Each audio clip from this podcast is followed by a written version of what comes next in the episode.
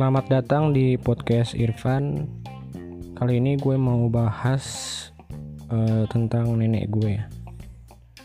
Jadi nenek gue itu untuk sekarang ya udah mungkin sekitar ya dua minggu tiga mingguan ini tuh di rumah gue tinggal di rumah gue dan gue menyadari satu hal bahwa uh, hidup manusia itu grafiknya itu berawal dari bayi yang dari bawah lalu menuju remaja dia naik. Lalu sampai dengan dia dewasa dia datar. Baru setelah dia tua dia akan menurun.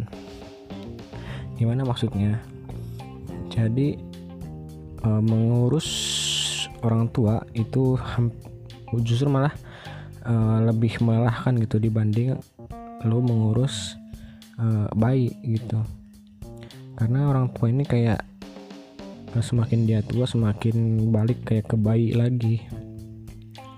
Mulai dari uh, makan yang mungkin yang tadinya pas remaja dewasa dia makan biasa aja gitu udah udah udah bisa makan sendiri udah nggak berantakan. Tapi begitu dia tua dia kayak makan berantakan terus uh, makannya kadang jatuh-jatuh gitu sama kayak kembali ke bayi lagi gitu. Dan mengurusnya itu lebih lebih rumit lebih susah gitu dibanding lo ngurus bayi. Yang mana untungnya di sini nyokap gue gitu yang ngurus. Walaupun nyokap gue juga sering ya marah-marah lah. Padahal ya dia juga udah udah tua juga gitu kan. Kayak nenek gue tuh suka uh, lupa lupa. Uh, dia lagi ngelakuin apa gitu. Kayak misalkan lagi dari kamar terus tiba-tiba uh, bawa apa bawa barang-barang keluar mau ke mana? Gak ke mana-mana. Terus itu bawa uh, bawa barang mau ngapain? Gak ke mana-mana katanya. Jadi kayak semakin error gitu. Gue nggak tahu ya apakah itu hal yang biasa karena gue punya nenek juga tuh di uh, nenek saudara gue sih lebih tepatnya. Dan dia tuh untuk pemikiran masih normal gitu dan tingkah laku ya. Uh, dia itu sering orang pendiam gitu. Maksudnya pendiam dalam arti nggak nggak pecicilan ke mana-mana gitu dibanding dengan nenek gue yang ini.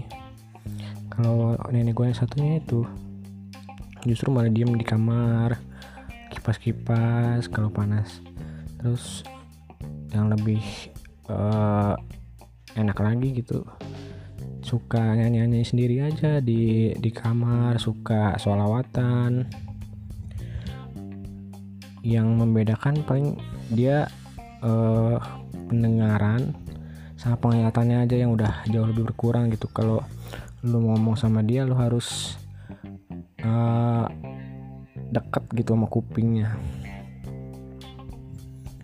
Berbeda dengan nenek gue yang di di rumah gue ini. Gue nggak tahu ya dia juga mungkin karena pikiran atau karena apa gitu. Pernah tuh suatu malam baru beberapa hari yang lalu ya. Dia itu setiap malam entah jam 1 jam 2 pasti bangun oke okay lah uh, untuk kebelet dia kadang ke WC gitu ya. Tapi setelah dari WC tidur 10 menit kemudian bangun lagi ke WC lagi. Tidur lagi 10 menit lagi bangun lagi.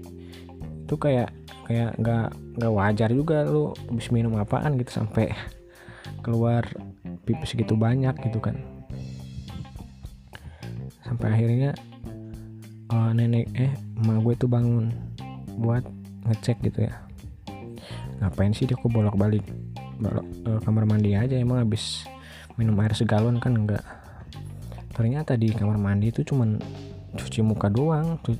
Lu masuk kamar mandi cuci muka keluar lagi. Gitu terus. Makanya pernah waktu itu seharian itu nggak tidur sama sekali. Karena ya itu pas ditanya kenapa kok kayak gitu. Padahal kencing juga enggak kenapa nggak tidur aja gitu? Dia juga nggak tahu kenapa kayak gitu. Sampai pagi dia kayak gitu. Nyokap gue udah ngomel-ngomel aja. Dia kurang tidur kurang istirahat ya kan. Apalagi yang ibaratnya udah tua gitu butuh istirahat yang panjang. Dan ini belum belum sempet gue bawa berobat juga sih. Karena kadang nggak nggak kayak gitu nggak kumat gitu. Kayak ya nenek-nenek pada biasanya aja yang kalau siang bangun tuh bengong non TV ya uh, seperti biasanya aja. Nggak ada yang aneh-aneh gitu dia ngelakuin apa pun pernah juga dia ngelakuin aneh banget. Uh, waktu itu kan sering tuh ya kalau pagi tuh disuruh berjemur gitu. Disuruh berjemur atau dia disuruh jalan-jalan lah ke ke depan terus dulu jalan sekitar beberapa meter terus balik lagi ke rumah gitu aja biar buat ngelatih kakinya juga gitu biar nggak sering duduk biar sering jalan. Suatu hari nggak ada yang ngeliatin dia terus dia jalan jalan sampai nggak tahu tuh ke mana. Jauh banget. Jauh banget. Sampai kami sekeluarga tuh nyariin dia. Gue udah muter-muter sekeliling komplek nggak ada. Gue nyari juga nggak tahu di mana. Terus tiba-tiba ada orang yang nanya ke gue nyari apa mas? katanya tadi ngeliat nenek-nenek enggak kata kata gue biasa kan dia pakai kayu tuh tongkat. Eh itu katanya. Tadi jalan ke sono.